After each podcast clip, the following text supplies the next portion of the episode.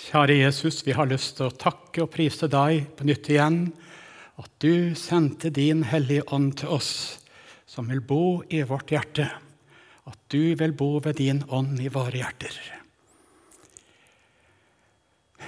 Forklare det vi leser og hører, slik at det blir levende for oss. At vi kan bli kjent med deg, Jesus, og at vi kan kjenne deg bedre. Og så takker vi for at du eh, minner oss om at evangeliet er for alle folkeslag. Alle stammer, eh, alle verdens hjørner har rett på å høre evangeliet. Vi ber om at det får være vår, vår hjertesak, sånn som det er din hjertesak. Og så ber vi om å få møte deg på nytt igjen nå ber om din Hellige Ånds hjelp når vi skal lese og høre og tale. Amen.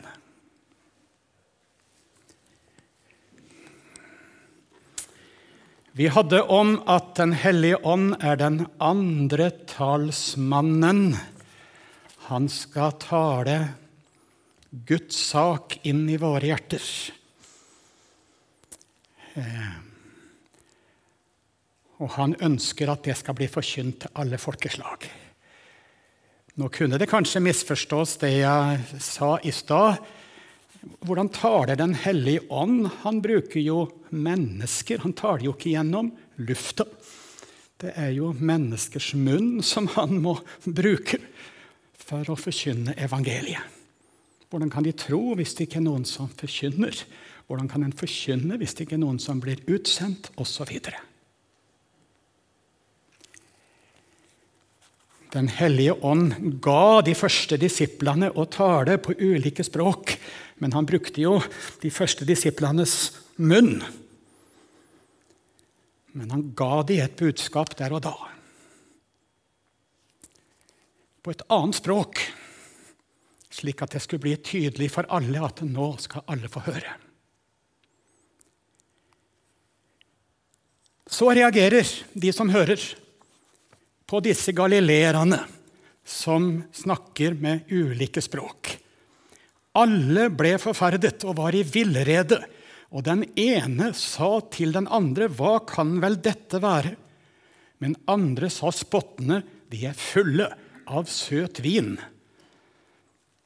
Ikke sant? Et visst antall disipler snakker, står på ulike steder der og roper ut et budskap. Og folk lurer på om de er fulle. De hører et budskap på mange ulike språk. Hva er det som skjer? Da sto Peter fram sammen med de elleve. Han hevet trøsten og talte til dem. Og så starter det jo en, en brukbar, lang tale av Peter. Han skal forklare hva som skjer nå. Nå skjer oppfyllelsen av profeten Joel. At han skal utgyde sin ånd over alt kjød. Nå skal både sønner og døtre tale profetiske ord. Unge menn skal se syner, de gamle blant dere skal ha drømmer. Ja, selv over mine treller og trellkvinner vil jeg i de dager utgyde av min ånd, og de skal tale profetiske ord. Nå er det ikke bare noen utvalgte profeter som skal være Guds sendebud. Nei, nå er det hele, hele bredden av mennesker, ser det ut som. Høy og lav, høy og lav.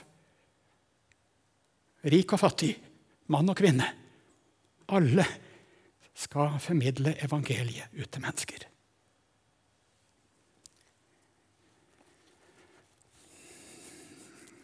Så forklarer Peter dette, at det som skjer nå, er oppfyllelsen av Det gamle testamentet. Og så starter han videre med å forklare at Jesus Kristus, som nå har levd her på jord, har vandra på jord og gjort gode gjerninger, hjelpa mennesker. Han døde på korset, og han sto opp igjen. Det som skjedde med Jesus, det er det som er profetert fra Gamletestamentet. Og så forklarer han i, på en måte ut fra Det gamle testamentet. Alt det som skjer nå, det er forutsagt, det er profetert. Til og med oppstandelsen, som vi syns det står lite om i Det gamle testamentet, så forklarer Peter at ut fra ulike salmer som David forkynner, så taler han om oppstandelsen. Når han sier at hans kjød ikke skal se til intetgjørelse.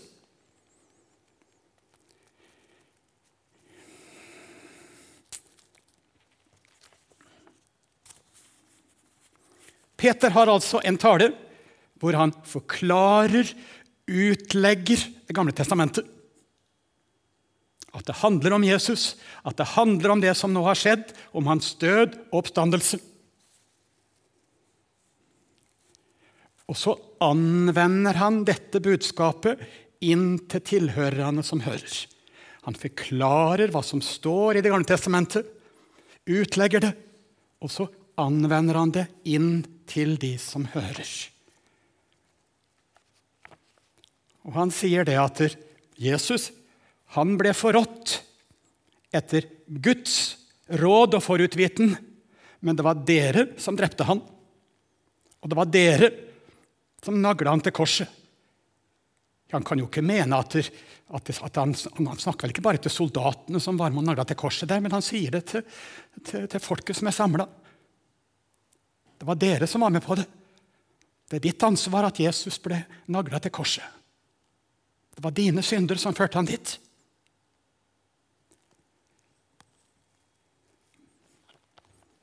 Dere naglet ham til korset ved lovløse menns hender.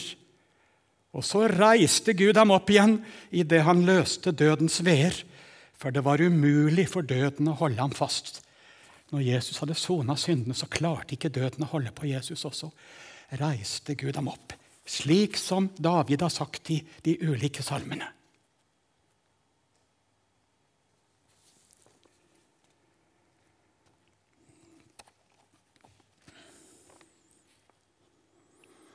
Gud har nå gjort ham til både Herre og Messias, denne Jesus, som dere korsfesta. Som dere korsfesta. Gud har gjort ham til Herre, men det var dere som hadde ansvar for ham.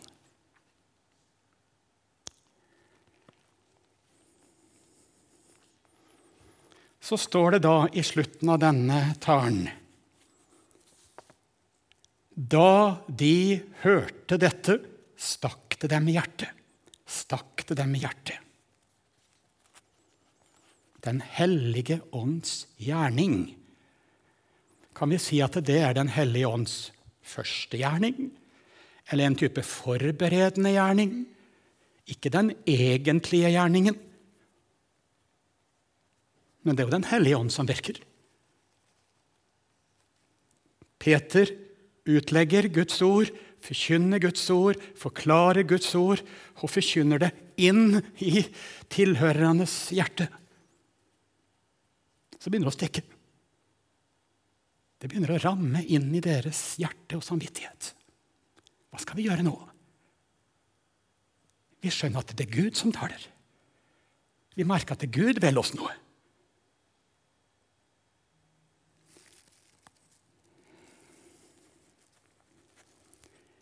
Jesus sa jo det at 'jeg sender Den hellige ånd'. Han skal overbevise verden om synd. Fordi dere ikke tror på meg.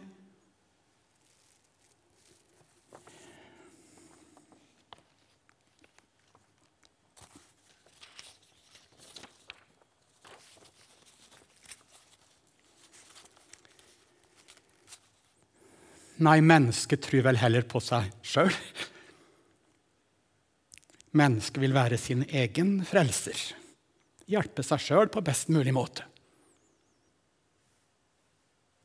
Den hellige ånd må overbevise verden, jødene her, om synd fordi de, de tror ikke på Jesus. De kjenner mye av Det gamle testamentet, men de tror ikke på Jesus som Messias, som frelser. De har jo ei gudstru, de tror jo på Israels gud, og de kjenner mye av Skriften. Men Den hellige ånd må overbevise dem om synd, fordi de, de tror ikke på Jesus.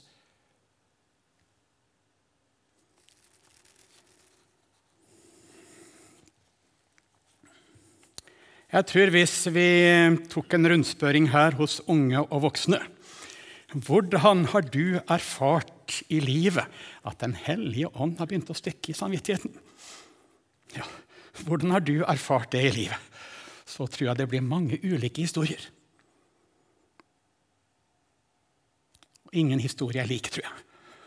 Og noen kan fortelle veldig sterke historier.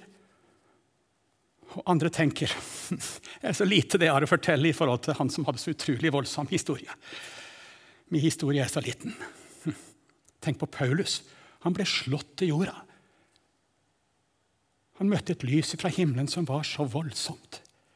Hvorfor forfølger du meg? Jeg er Jesus, han som du forfølger. Og så blir han nærmest slått til bakken. Hvem av oss har blitt det? Er det neppe så mange. Men sånn måtte Gud røre med han for at han skulle få bruk for Jesus som frelser. At han skulle begynne å be om frelse. Noen er vokst opp i et kristent hjem og har blitt bevart i den barnetrua. Det må jo være det aller beste. Så kan det vel likevel være faser i livet hvor, hvor Gud har talt til deg på en særlig måte gjorde deg urolig. Det begynte å stikke i hjertet. Jeg må få det i orden med Gud. Jeg må få eie den trua som mamma har, som pappa har. Jeg må få eie det livet. Jeg må få vite at det er mitt, i hvert fall.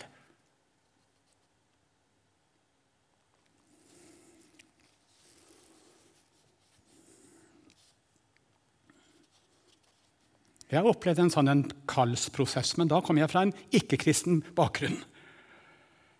Og da det, det begynte det å stikke i hjertet.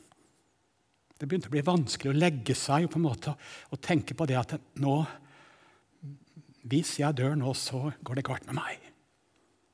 Det evighetsalvoret lå så sterkt der. Det gjør vel ikke det hos mange som vokser opp i dag, men, men det lå sterkt i bevisstheten. Jeg visste at det var sant. Jeg trenger Jesus. Jeg visste ikke at jeg var en synder, akkurat, men jeg visste at jeg måtte ha Jesus. Og så begynte det å stikke i hjertet når jeg hørte noe. En uro, en lengsel, en vekkelse i samvittigheten. Hva skal jeg gjøre? Hva må jeg gjøre for å få det greit med Gud? Og det kan jo skje på nytt igjen og på nytt igjen seinere i livet. Hva må jeg gjøre nå? Jeg er kommet så langt bort ifra Gud. Gud overbeviser ved sin ånd. Han vil gjøre den rike, ikke på penger. Han vil gjøre den rike fattig. Han vil gjøre den stolte ydmyk. For Gud står den stolte imot, sier Bibelen. Gud vil gjøre den stolte ydmyk. Han vil gjøre den selvhjulpne til et hjelpeløst menneske i forhold til Gud. Han vil gjøre den store liten. Han vil gjøre den friske syk. Ikke legemlig syk, men åndelig syk. For Jesus sier jo det. Det er bare den syke som trenger lege. Som søker lege.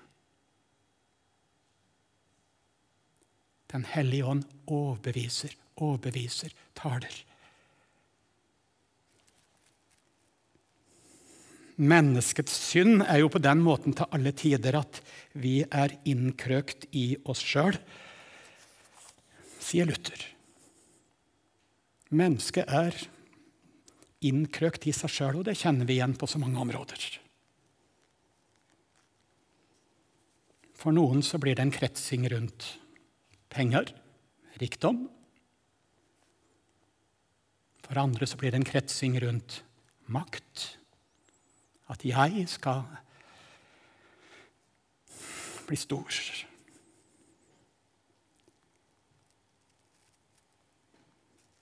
For andre så blir det helt motsatt. Så kretser jeg rundt min egen eh, mislykkethet eller selvforakt.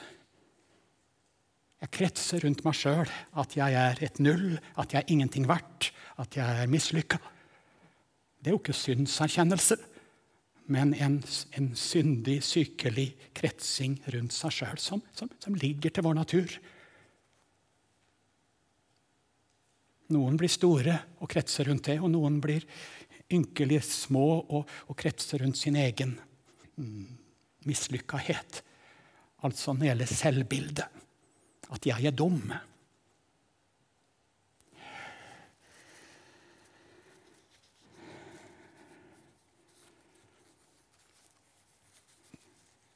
For noen så blir det et vellykka ytre liv men en blir en slave under fristelser som ikke synes for andre.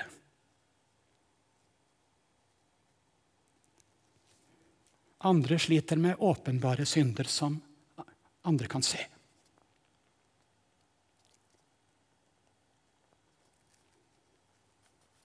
Og så kommer Den hellige ånd og sier at dine synder var med å korsfeste Jesus. Du har synda mot Gud. Hva skal du gjøre?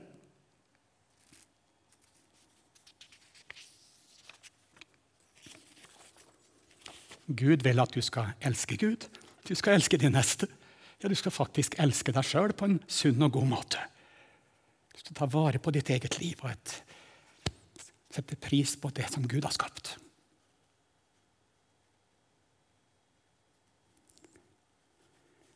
Og så overbeviser Den hellige ånd om at du er borte fra Gud, eller at du synder mot Gud.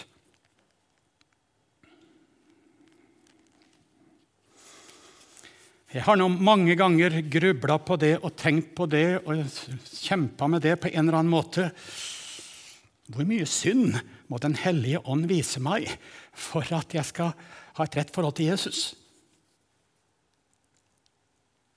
Er det noen som har noe svar på det? Hvor mye synd må Den hellige ånd overbevise meg om for at jeg skal være et sjukt menneske som trenger leger?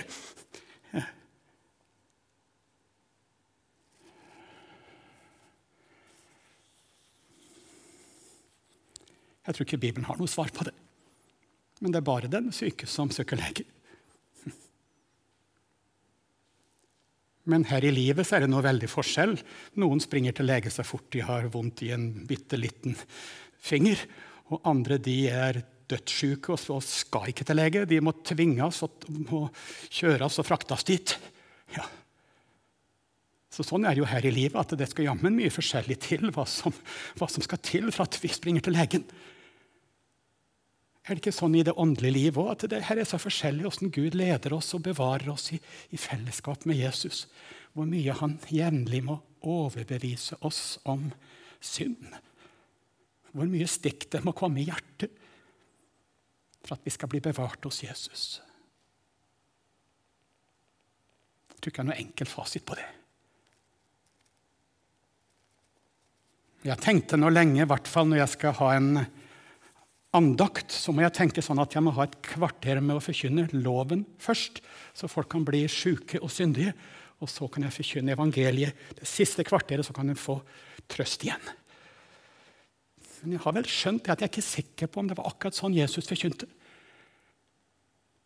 Jeg er ikke helt sikker på om Jesus forkynte sånn. Han forkynte om seg sjøl, og han forkynte både loven og evangeliet. Han forkynte det, det var ikke noe sånn helt klart skjema han forkynte. Men han forkynte sannheten om hvem han var.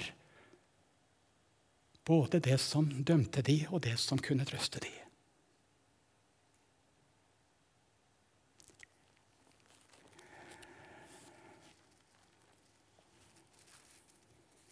Men målet er altså, både første gang og seinere gjennom livet, at Den hellige ånd får overbevise meg om synd. For i mitt hjerte så er det så, så, så lite tru på Jesus. Må Jeg må stadig bli avhengig av Jesus fordi jeg ikke tror på han. Jeg vil tro på meg sjøl.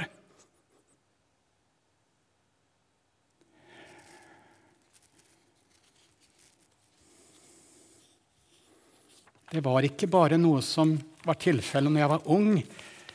Jeg har like mye innebygd tro på meg sjøl i, i, min natur i dag.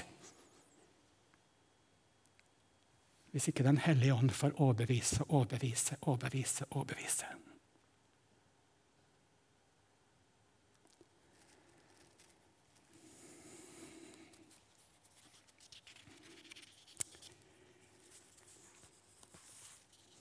Så kommer det enkle og frimodige budskapet ifra, ifra Peter. da. Hva skal dere gjøre? Det begynte å stekke, dem, stekke hjertet.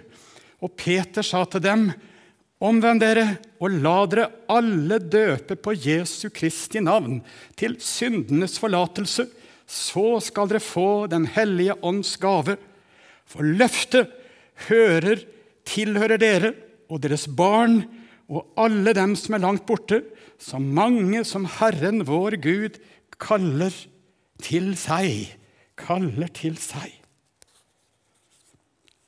Så begynner Peter å forkynne. De skal få venne seg til, til Jesus. De skal få bli døpt. De skal få ta imot syndenes forlatelse. De skal få Den hellige ånds gave. For det er løfter ifra Gud som er for deg og for deg og for deg og for deg. Ja, ikke bare for deg, men for barna dine og de som lever langt der borte. Og Det er så fint. Da begynner Peter å forkynne om løftene ifra Gud. Det som Gud har lovt å gi.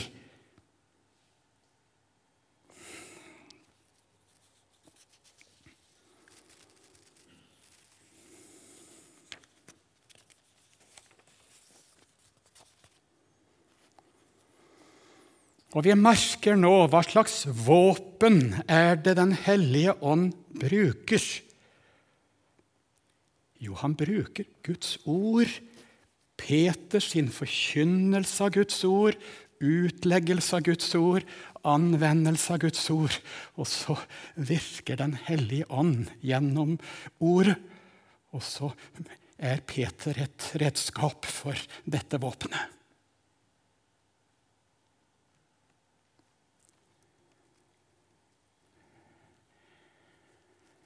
Peter arbeider med et våpen som kalles for åndens sverd. Ja, det er vel Gud som arbeider med det, egentlig. Guds ord, som Peter forkynner, kalles for Den hellige ånds sverd. Så når han forklarer fra Det gamle testamentet, så er det sverdet som svinges.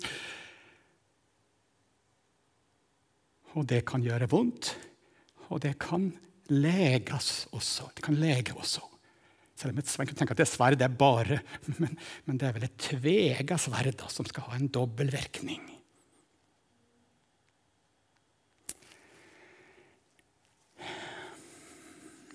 Uforstandige galatere, sier Paulus til galatermenigheten. Hvem har forhekset dere? Dere som har fått Jesus Kristus malt for øynene som korsfestet. Bare dette vil jeg få vite av dere. Var dere ved lovgjerninger dere fikk ånden, eller var dere ved å høre troen forkynt? Er dere så uforstandige dere begynte i ånd, vil dere nå fullende kjød. Når Gud altså gir dere ånden og gjør kraftige gjerninger iblant dere, gjør han det ved lovgjerninger eller ved at dere hører troen forkynt. I trosartikkelen står det 'Den hellige ånd har kalt oss ved evangeliet'. Peter forkynner et løfte om syndenes forlatelse. Du som har synda mot Gud. Du som har svikta imot dine, dine nærmeste. Du som ikke har den kjærligheten som Gud ønska at du skulle ha. Hele livet ditt var med på korset. hele livet ditt var med på korset. Det er jo fælt det at jeg var med å korsfeste Jesus. Men samtidig så utrolig bra. Jeg er korsfesta med Jesus. Hele meg var med. Gud tok ansvar for hele meg.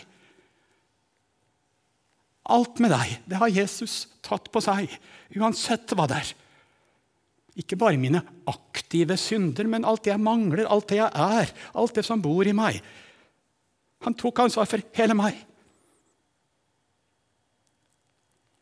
I deg skal alle verdens folkeslag velsignes, sa Gud til Abraham. Et løfte. Det skal komme en som skal gi deg hele velsignelsen.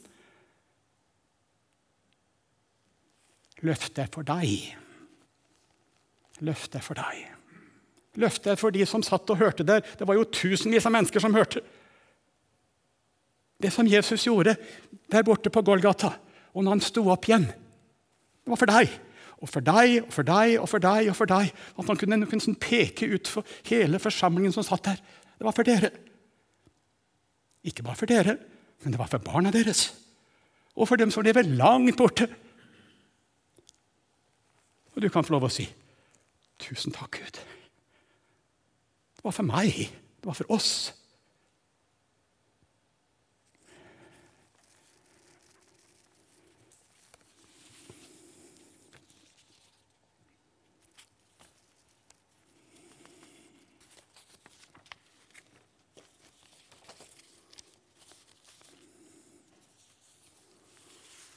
Den hellige ånd bruker Guds ord.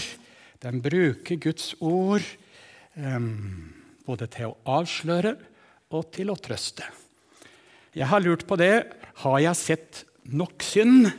Det har jeg lurt en del på og strevd mye med. Og det andre har jeg skjønt nok av på en måte det Jesus har gjort for meg? Har jeg sett liksom, nok av synda mi? Er det bra nok?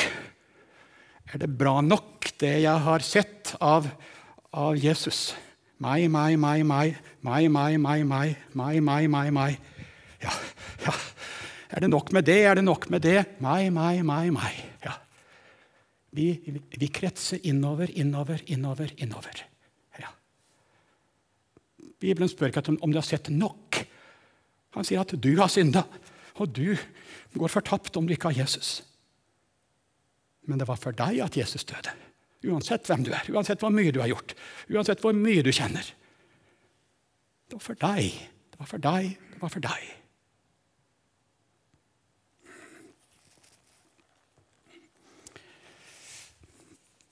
Nå sitter en del bibelskoleelever her, og de har sikkert opplevd en del eh, fine timer på bibelskolen. Og så har de opplevd veldig mange tunge og kjedelige timer, tipper jeg. Um, og Noen ganger så sier de det høyt, og jeg syns det er så skrekkelig tørt på, i bibelskolen. så jeg får ikke noe ut av det. Innimellom så har de glemt, glemt, akkurat det, at de har bare sovet tre timer, og da blir det tungt. Ja. Så det er liksom en veldig naturlig forklaring. Når man har sovet tre timer, så blir det kjempevanskelig å få utbytte av timen. Det, det, det tenker man ikke så ofte på. Men uansett. De sier «Ei, det er så tørt, jeg får ikke noe ut av det. Nei, det, han læreren er så tørr og kjedelig, han, og det, og det stoffet vi har, er så tungt. og alt sånt. Hva skal vi si da? Jeg har i hvert fall lyst til å si at det blåser i det. altså Det gjør ingen verdens ting. Det gjør ingen verdens ting om det er litt tørt innimellom. Om du ikke føler du får så mye ut av det. Det gjør ingen verdens ting. Om du går på møte så går hjem igjen og så sier nei, i dag fikk ikke jeg så mye ut av det møtet. jeg fikk ikke så mye ut av det. Ok, Men men lytta du etter Guds ord og, og tok, tok, til deg det?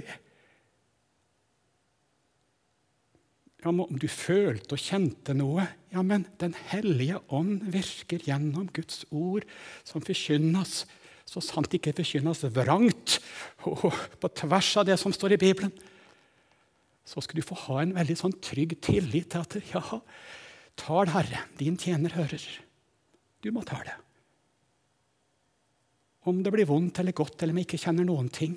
Jeg vil ta det til meg. Akkurat som du spiser mat. Noen ganger så smaker det godt, og noen ganger så smaker det ikke i det hele tatt. Men maten virker jo.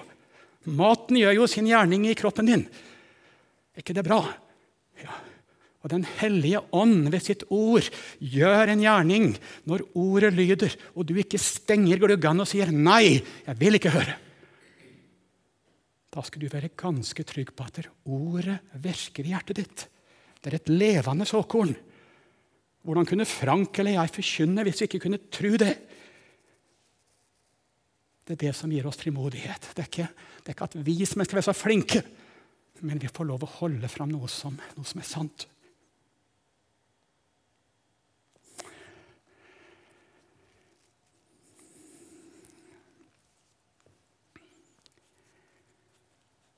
Og En vet jo det at det kan være noen som har gått på bibelskolen, altså, som kan komme et år etterpå og si at Oi, nå ser jeg hva jeg fikk ut av det. Det hender jo det. At en kan si i ettertid ah, nå skjønner jeg faktisk at det var ganske mye som, som ble lagra der.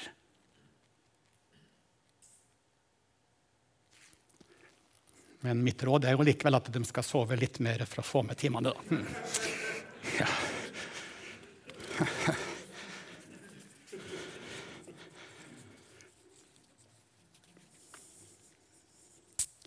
La du merke til at det sto om dåpen? I forbindelse med Den hellige ånds gjerning. Det sto om ordet som forkynnes, og så sto det om dåpen også. Den hellige ånd bruker midler til å frakte evangeliet inn i våre hjerter og inn i våre liv. Den hellige ånd bruker midler. Han bruker jo på en måte mennesker, men, men vi er jo bare et, et, et, vi, vi, kan så og vanne, men vi har ikke noen mulighet til å, til å skape liv, til å skape vekst. Da må det være noen midler som Den hellige ånd bruker, som har kraft i seg. Og da er jo ordet ånd og liv. Bibelen sier at Den hellige ånd har ånda inn i ordet. Vi tror at det er et kraft i det budskapet. Det er viktigere enn at sendebudet er åndsfylt. Det kan være viktig nok. Men at ordet er ånd og liv. Den hellige ånd bruker Guds ord, åndens sverd, frakter evangeliet inn i hjertet mitt, frakter Jesus inn i hjertet mitt. Og så har vi fått noen ytre, enkle midler som Gud bruker. Med dåpen og med nattverden. Nei, det er jo bare symboler. At vi skal tenke på hva som Gud har gjort. Ja, eh, Peter sier det. Omvend dere og la dere døpe på Jesu Kristi navn til syndenes forlatelse. Så skal dere få den hellige ånds gave. Her knyttes syndenes forlatelse, Hellig ånds gave. Det er dåpen, på samme måte som det knyttes til evangeliets ord. Men det er jo evangeliets ord også i dåpen. Vi blir jo døpt til Jesus sitt frelsesverk. Vi blir jo døpt til hans død, og vi blir jo døpt til hans oppstandelse. Vi blir jo frakta inn i evangeliet også i den kristne dåp. Barnet, vi, vi, bærer det til Jesus, og vi frakter det på en måte inn i at vi skal få, være, ta, få del i hele skatten. Jesu død oppstandelse. Det er noen foreldre som eh, sier til oss i Tromsø, og jeg hører på dem hvis de ber om det, at vi har lyst til at barnet skal dukkes skikkelig nedi. Jeg tror ikke Gud er avhengig av mengden med vann, så jeg døper både med overøsing, og noen vil ha det skikkelig nedi. Og noen kommer med Unge foreldre i dag er veldig bevisste. De har lyst til å, å, å se det tydelig. Noen har kommet med et en unge med et litt sånn fillete eller dårlig kledning først. og Så blir han døpt, og så får han en hvit kledning etterpå. Så man, man liksom på en måte skulle, skulle se det tydelig. Og, Og vi har dukka ungen nedi og opp igjen, og ungen har ikke drukna. Nei. Men er blitt begravd og oppreist med Kristus liksom tydelig fra øya våre. Og det er jo det vi døper våre barn til, og det er jo det vi døper oss til, eller blir døpt til om vi døper oss som voksne. Vi døpes til Jesu frelsesverk, hans død oppstandelse. Omvend deg og, og ta imot Jesus sitt frelsesverk. Og la deg døpe til det for du på en synlig, konkret måte del i Jesus sitt frelsesverk. Og så skal du få Den hellige ånds gave. Så skal du bli en del av en Guds menighet på jord. Døpt med Den hellige ånd til å bli ett legeme.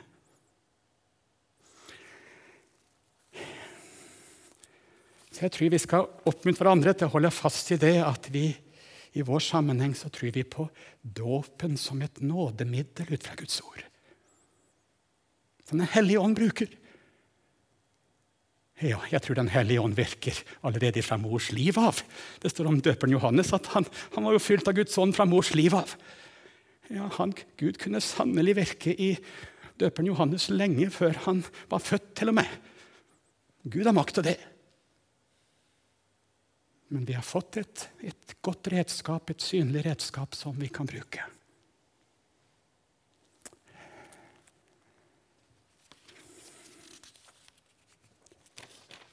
Vi skal snakke mer om dette på, eh, på søndag. For Pinsedag er altså sammenheng mellom Den hellige ånd som blir sendt. Det stikker i hjertet. De får høre evangeliets ord. De blir døpt, og de får Den hellige ånds gave. Og så blir det grunnlagt den første menigheten. Alt det her på en måte hører sammen. Den hellige ånds gjerning. Hellige ånds gjerning.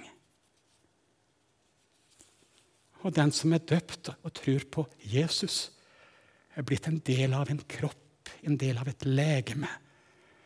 Den hellige ånd har gjort deg til en av lemmene på Jesu kropp.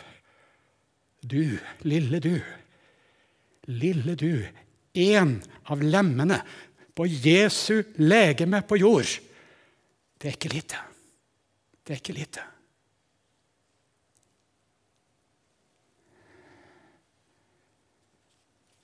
Og så står det det at den første kristne menighet de holdt fast ved apostlenes lære, ved brødsbrytelsen, ved, ved, ved samfunnet med de hellige og med bønnene. Bønnene, Det var vel bønnene som de ba i fra Salmenes bok, som de brukte veldig mye i starten. Men de var blitt et fellesskap, de var blitt en, en menighet. Og nå, nå, måtte de holde sammen. Nå måtte de hjelpe hverandre. Nå måtte de ta vare på hverandre. Nå måtte de bygge hverandre opp, nå måtte de styrke hverandre. For nå var de blitt lemmer på Jesus sin kropp her i verden. Den hellige ånd var sendt. De var kommet til tro på Jesus. De hadde fått høre løftet om evangeliet. De var blitt døpt, og de hadde fått Den hellige ånds gave. Så nå vokser den første kristne menigheten på jord. Og så får vi være en sånn kristen menighet Det er Den hellige ånd som har skapt forsamlingen her. Det som er av åndelig liv og sant åndelig liv og fellesskap her. Det er Den hellige ånd som har skapt. Og vi ber om at han må få rikelig rom iblant oss. Ved sitt ord og med sin ånd i våre hjerter.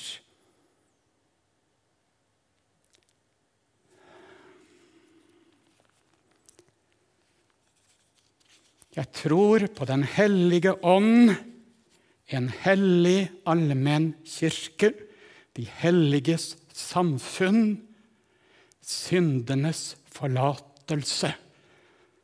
Det er vel det vi har vært innom. Vi skal snakke mer om de hellige samfunn, hellig allmenn kirke. Sist på søndag skal vi snakke om det helt siste i, i denne trosbekjennelsen vår. Legemets oppstandelse og det evige liv, det skal Den hellige ånd sørge for. Vi tenker ikke alltid på det. Det var Den hellige ånd som reiste Jesus opp fra de døde, sier Bibelen. Og det er Den hellige ånd som skal reise den som dør i trua på Jesus, opp ifra grava.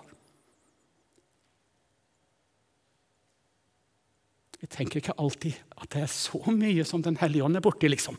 Men det er han som har sørger for alt liv ved sitt ord. Kjære Jesus.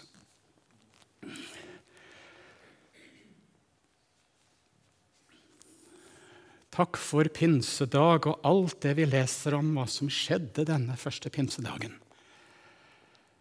Som vi skal få leve i og eie som vårt. Vi ber om at det aldri må slutte å stikke i hjertet. Du får stikke såpass mye, Jesus, at vi alltid blir bevart hos deg. At vi alltid søker deg. At vi aldri blir sjølrettferdige og sjølgode. Det er du som må bevare oss på den plassen at vi alltid trenger deg som frelser. La oss få leve i det, om vi ikke føler og kjenner så mye. Men vi får ha den erkjennelsen at vi trenger deg med hele oss. Og så er du en god frelser for hele oss. Alle dager. Takk at vi er døpt til din død og din oppstandelse. La oss få da leve det nye livet som du har gitt oss. Amen.